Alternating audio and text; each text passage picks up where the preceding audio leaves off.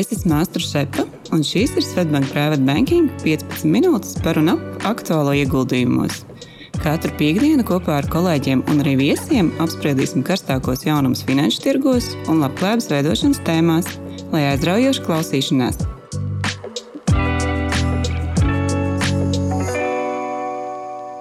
Esiet sveicināti podkāstu kārtījā epizodē. Šodien man, Ventam Rīņķim, uz sarunu ir pievienojusies privātbanķiera Inga Ērgla Tušiņa. Čau, Inga!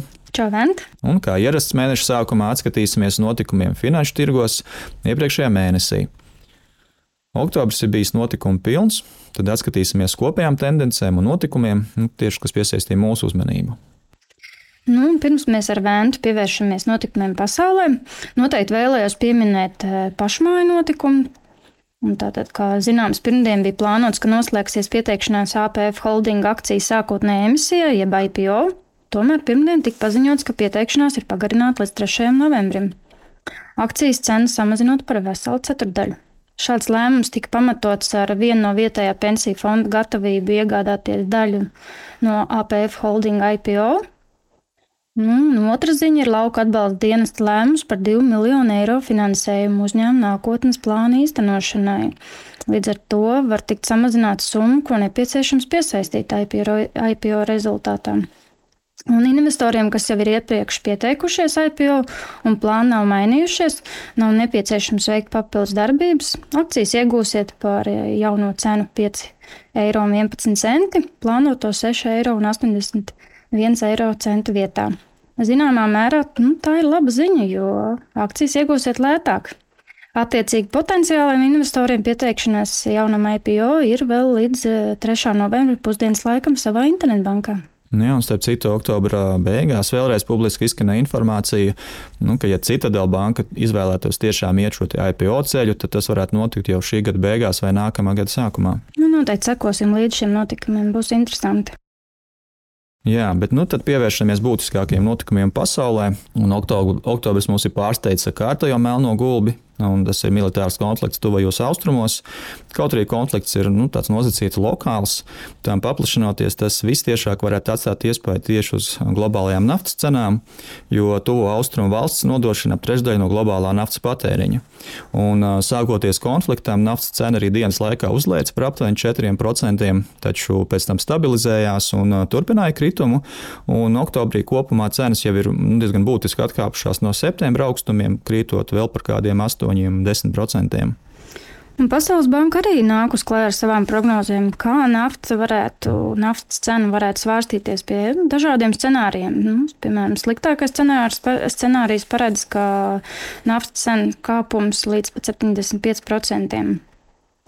Savukārt eh, bāzes scenārijs paredz, ka naftas cena līdz gada beigām paliks esošajos līmeņos, ar prognozētu kritumu par 10% nākamgad ekonomikai globāli sabremzējoties. Nu, jā, tas ir diezgan būtiski, būtiski sekot šim līdzi, jo nu, joprojām dienas kārtībā ir gan inflācija un likmes.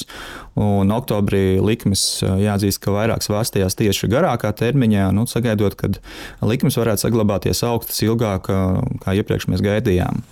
Un tad pievēršamies jau tieši notikumiem finanšu tirgos. Un neskatoties uz atgūšanos mēneša vidū, tad mēnesis lielākajos akciju tirgos ir noslēdzies ar kritumiem. Un oktobrī kas bija zīmīgi, ka uzņēmums sāka paziņot trešā ceturkšņa rezultātus. Nu, tādā vienā teikumā varētu rakstot, ka ASV, raksturot, ka ASV rezultāti ir labāki nekā gaidīts, bet Eiropā atkal sliktāki. Nu, rezultātā globālais šis indeks MSI ALK Country World Index oktobrī ir krities par aptuveni 3%. Nu, atgādināšu, ka šis ir viens no tādiem pašiem plašākajiem globālajiem indeksiem, jo iekļauj arī attīstības tirgus. Un, Inga, nu, ja mēs skatāmies kaut kādā nu, tādā nozaru griezumā, kam gāja labāk, kam sliktāk oktobrī? Jā, tas noteikti bija interesanti papētīt šo, šos rādītājus. Tātad, skatoties oktobra rezultātus, sliktāk klājas neprimāro patēriņu preču sfērai, veselības nozarei un arī komunālo pakalpojumu sfērai. Jāatzīst, ka negat, nu, šī negatīvā tendence ir redzama arī nu, gada griezumā šīm nozarēm. Tāpat negatīva tendence arī uzrāda enerģētikas sfēru un izēvielas. Nē, nu, labi, tad varbūt sāksim skatīties jau par reģioniem. Tad, um, pirmā, nu, protams, mums zināms, ka lielākais akciju tirgus ir ASV. Tad uh, ekonomika tur nu, tiešām ļoti labi. ASV, un trešajā ceturksnī iekšzemes koprodukts ir audzis par veseliem 4,9%. Atgādināšu, ka otrajā ceturksnī izaugsme bija krietni mazāka - 2,1%. Nu, lielā mērā izaugsme nodrošināja tieši patēriņa pieaugums. Iedzīvotāji joprojām steidz iztērēt naudu, ko viņi bija uzkrājuši Covid laikā. Darba tirgus arī joprojām ir stabils, algas aug, jo uzņēmumi vēlas noturēt nu, teiksim, darbiniekus, kas, kas nu, no vēstures rāda, ka Covid laikā zaudējot labus darbiniekus, viņus grūti atgūt. Un, lai gan ir ar vienu iezīmējas tendence, ka iedzīvotāji ar zemiem un vidējiem ienākumiem patēriņu uztur jau uz kredītkaršu parāda rēķina, nu, kas noteikti nav ilgspējīgi. Un jāņem vērā arī, ka valsts tēriņi ar vienu aug jau faktiski 5 mēnešus pēc kārtas. Tikko arī bija kārtējā ASV centrālās bankas sēde, kurā otro reizi likums tika saglabāts esošajos līmeņos. Un neskatoties to, ka ASV inflācija nemazinās, augustā un septembrī tā saglabājās 3,7% robežās. Esošās prognozes norāda, ka oktobrī inflācija arī nebūs kritusies līdz vēlamam līmenim. Nē, patēriņš joprojām turas augstā līmenī. Nu, tas par ekonomiku, bet kā ir veicies lielākajiem akciju tirgus indeksiem? Jā, nu mums e, ļoti labi zināmais indeks SP 500 gada griezumā uzrāda pozitīvus rezultātus. Savukārt oktobrī nu, ir bijis neliels kritums, mīnus 2,1%. Nu, tas bija galvenokārt saistīts ar zaudējumiem indeksa ietekmīgajā grupā tehnoloģijas uzņēmumiem. Kā zināms, mikroshēmu ražotāju akcijas e, turpina kritumu, jo tam par iemeslu ir ASV lēmums ierobežot mikroshēmu pārdošanu Ķīnas tirgumu. Jā, sapratu, runājot arī par ASV šo mikroshēmu ražotājiem, tad eh, trešajā ceturksnī iezīmējās tāda tendence, kad pēc šo rezultātu paziņošanas tieši Nvidia lielākie konkurenti AMD un Intel uzrādīja tādas nu, pozitīvas pazīmes tieši šī mākslīgā intelekta jomā. Un tas atspoguļojās arī viņu rezultātos un akciju cenās, un pēc rezultātu paziņošanas abas akcijas jau krietni ir pieaugušas, nu īpaši jau AMD. Jā, un SP 500 indeksa lielākie zaudētāji, nu, tad vidū ir divi uzņēmumi, kas saistīti ar saules enerģiju. Tāds ražotājs kā Solar Edge tehnoloģijas ar mīnus, mīnus 40% un NFIs enerģija ir 30% kritumu, savukārt ieguvēja ir apdrošināšanas kompānija Allstate Corporation un Progressive Corporation. Jā, tāda viena mēneša griezumā diezgan lieli kritumi. Mm. Bet ņemot vērā konfliktu gazas joslā, arī vairākas aizsardzības nozares uzņēmumi, kā Lockheed, Martin, RTX Corp un General Dynamics, ir nu, krietni pieauguši vērtībā. Nu, savukārt, ja mēs skatāmies uz lielākiem tehnoloģijas uzņēmumiem, kas šogad galvenokārt ir nodrošinājuši izaugsmē ASV akciju tirgos, tad noteikti ir jāpiemina tāds kā Microsoft, kam bija labi ceturkšņa rezultāti, tajā skaitā mākslīgā intelekta jomā. Uzņēmuma akcijas cenā atkal uzrāda nu, izaugsmi. Ne, un par Microsoft tad uh, vēl viens tāds notikums, uh, kā es jau sekoju jau laikam, vairāk kā gadu. Tad Microsoft uh, iegādājas video spēļu izstrādātāju Activision Blizzard. Nu, vēl aprīļa podkāstā stāstīja par šo darījumu. Tobrīd darījums bija apturēts no Lielbritānijas regulātoru puses. Un uz šo ziņu fona Activision Blizzard akciju vērtība bija nokritusi līdz 77 dolāriem.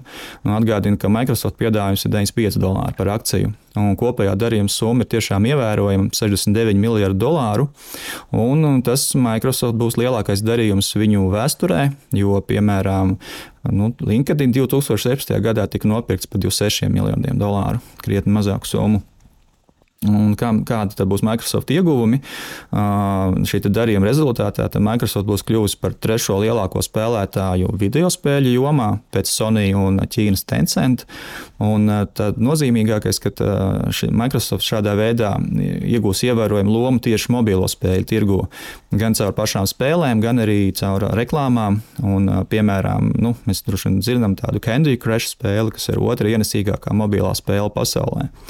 Un otrkārt, Savukārt, tas Microsoft iegūms būs tas, ka viņi varēs ar vienu attīstīt video spēļu abonēšanas biznesu, uz ko industrija virzās ar vien vairāk. Tas būs gan nu, viņu Xbox, gan arī datoros. Un uh, arī tas, ko viņi vēl skatoties priekšu, vēlas attīstīt, ir uh, strauju spēļu, uh, iespēju spēles straumēt no mākoņa, nu nevis uzstādīt pie sevis. Tā kā kopumā nu, tas viņiem vēl vairāk varētu ļaut palielināt mm, peļņu. Bet uh, Microsoft konkurence uh, mākslīgā intelekta jomā Google man šķiet, ka neiepriecināja akcionārus. Ne? Jā, un tas arī ir interesants fakts. Google mācīs uzņēmums alfabēta akcijas kritās vairāk par 9%, neskatoties to, ka trešā ceturkšņa ieņēmumi bija lielāki nekā gaidīts. Mm, Tātad uzņēmuma tiešsaistes reklāmas biznesa turpina pakāpeniski atgūties, gadu laikā pieaugot par 9%.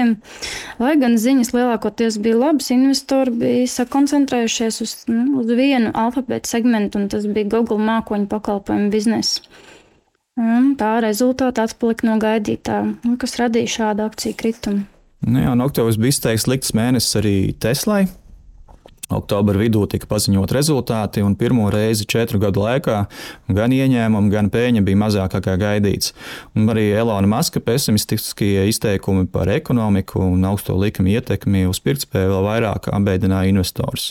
Nu, viņš arī minēja, ka no šī te, nu, beidzot plānotās Cybertruck ražošanas naudas plūsma būs pozitīva vien pēc gada vai pusotra. Un kopš rezultātu paziņošanas akcijas jau ir kritušas par 20%, un no augstākā punkta šogad jūlijā jau par vairāk kā 30%. Nu, kā Elonas Masks pats arī izteicās prezentācijā, pat lieliem kuģiem vētrā ir izaicinājumi. Bet nu, kopumā šādi signāli jūtam arī visā elektroautorāta ražošanas sektorā. Ražotāji meklē iespējas samazināt izmaksas, lai elektroautorāta cenas būtu pieejamākas, un atsevišķi uzņēmumi pat samazina ražošanas apjomus, piemēram, Ford. Nu, tad no lielajiem uzņēmumiem vēl gaidām Apple rezultātus. Jā, nu mēs ar Ventu ierakstām podkāstu ceturtdienā. Apple savus ceturkšņu rezultātus paziņos šovakar. Nu, tad gaidām ar nepacietību. Tad turpinājums par šo tēmu sekos. Nu jā, un tad vēl īsumā par ASV vēlos pieminēt banku sektoru. Nu, kopš marta bija salīdzinošs klusums, bet oktobrī virsrakstos reģionālās bankas tika pieminētas jau salīdzinoši bieži, jo trešā ceturkšņa rezultātos banku peļņas saruka, un nu, to peļņu ietekmē gan likmju kāpums, gan arī pieaugušie kredīt zaudējumi, arī depozīta aizplūšana. Jā, noteikti arī jāpiemina avio kompānija akcijas. Oktobrī tās turpināja kritumu, jo tirgus sagaida, ka pieprasījums kritīsies, līdz ar to būs spiediens uz eh, cenām. Izmaksu pusē savukārt eh, tiek iecenot iespējama naftas sadārdzināšanās, tuvo austrumu konfliktu dēļ, un arī liels spiediens ir uz algām. Jā, patiesībā arī Eiropas avio kompānijām ir līdzīgas tendences. Un, un tad varbūt mēs varēsim sagaidīt zemākas biļešu cenas. Un šeit ieguvēji varētu būt zemo cenu avio kompānijas. Bet, nu, labi, tad pievēršamies Eiropai.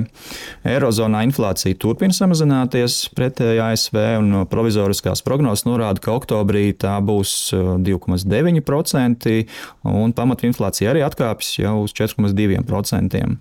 IKP rādītāji gan liecina par ekonomikas sabremzēšanos trešajā ceturksnī, nu, pretēji lielai izaugsmē ASV. Un beidzot, arī Eiropas centrālās bankas likmes nepacēla, saglabājot tās esošajā līmenī. Nu, labi, bet kā ir veicies Eiropas akciju tirgiem? Nu, vadoties no Stock 600 indeksa, kur kopējais rezultāts par oktobri bija minus 3,6%, Nu, sfēras, kurā bija lielākie zaudējumi, ir nekustamā īpašuma, komunālajā pakalpojuma ražošanas sfēra, bet, nu, apskatot indeksā ietvertos mēnešu ieguvējus, ir jāmin fakts par eh, vēlēšanām Polijā, kur rezultāts ir atstājis pozitīvu ietekmi uz daudziem polijas uzņēmumiem. Un šeit eh, jāpiemina arī eh, lielāko izaugsmu oktobrī indeksā uzrādīja Polijas bankas, piemēram, Santander banka Polska, PKO banka Polski. Un pieaugums ir bijis vērā ņemams, plus 25%. Arī polijas apdrošināšanas kompānija, tāda kā PZU un Orlen, šādas labas rādītājas uzrāda. Nu, savukārt lielākie zaudē, zaudētāji ir Worldline. Tas ir Francijas uzņēmums, kas nodrošina digitālo maksājumus, tādas pakalpojumus. Un sliktāk arī gaisa rūpniecības un enerģētikas uzņēmumiem, piemēram, tādam kā Alstom un Siemens Energy. Arī attīstības tirgus, ja mēs paskatāmies arī Āzijas reģionu, mūs neiepriecināja oktobrī. Lielākie indeksi ir piedzīvojuši kritumu. Tomēr pēdējās dienās investoru uzmanību atkal pievērsa Japāna, nu, un to ietekmē Japānas centrālās bankas lēmumi neveikt būtiskas izmaiņas savā politikā, nu, gan arī uzņēmumu labie rezultāti. Nu, piemēram, Toyota nāca klajā ar nu, tiešām ļoti labiem rezultātiem. Uzņēmums ir ievērojami audzējis pēļņu, līdz ar to prognozes šim gadam viņš ir būtiski uzlabojis, un akciju vērtība būtu nu, dažu dienu laikā uzlikts par veseliem 8%. Ir mums arī oktobrī vēl viena pozitīva ziņa saistībā ar zināmo kriptovalūtu. Tātad Bitcoin, kur cena pārsniedz 35,000 ASV dolāru atzīmi, kas ir augstākais šī gada laikā. Pēdējo, pēdējo mēnešu laikā pieaugot vairāk par 25%. Tas ir vērā ņemami. Šo cenas pieaugumu veicina pozitīvais noskaņojums. Nu, pēc tam, kad ASV tiesa lēma par labu kriptovalūtas pārvaldītājiem Grayscale ASV tātad vērtspapīra un biržu komisija atteicās pārsūdzēt šo lēmumu, radot cerības, ka tuvāko mēnešu laikā varētu tikt apstiprināta bitkoina saistītais ETF. Nu, tātad, kā mums zināms, tātad kriptovalūta industrija cieši vēro šim, nu, seko līdz šim notikumam, kas varētu norādīt uz bitkoina ETF izveidi. Nu, tātad mēs, kā mēs zinām, tātad nozīmīgie finanšu uzņēmumi kā BlackRock, Invesco, Fidelity un Grayscale ir centušies izveidot Bitcoin ETF, norādot, eh, norādot uz to, ka tas ir drošāks ieguldījums salīdzinot ar tiešajiem kriptovalūtas ieguldījumiem. Sekosim līdzi, vai izdosies eh, ieviest eh, ilgi gaidīto kriptovalūtu ETF. Nu, es arī atzīstu, ka tas ir daudz vieglāk nekā reģistrēties platformās un tā tālāk. Un beidzot, arī Eiropā esam sagaidījuši, ka likmes vairs netiek celtas. Protams, inflācijas mērķis joprojām paliek 2% robežās. Un pēdējās dienās akciju tirgi teikt, ka jau strauji atgūstas no septembra un oktobra kritumiem. Nu, cerēsim, ka ģeopolitiskie riski nepieaugs. Un šogad finanšu tirgos sagaidīsim tā saucamo Ziemassvētku ralliju. Inga, saku tev paldies par sarunu un tiekamies nākamajos podkāstos. Uz redzēšanos! Lūdzu! Audio saturā dzirdētā informācija nav uzskatāms par ieguldījumu konsultāciju vai ieteikumu slēgt finanšu tirgus darījumus vai ieguldīt finanšu instrumentos. Paldies, ka klausījāties! Lai izdevusies diena un uz tikšanos nākamajā sarunā!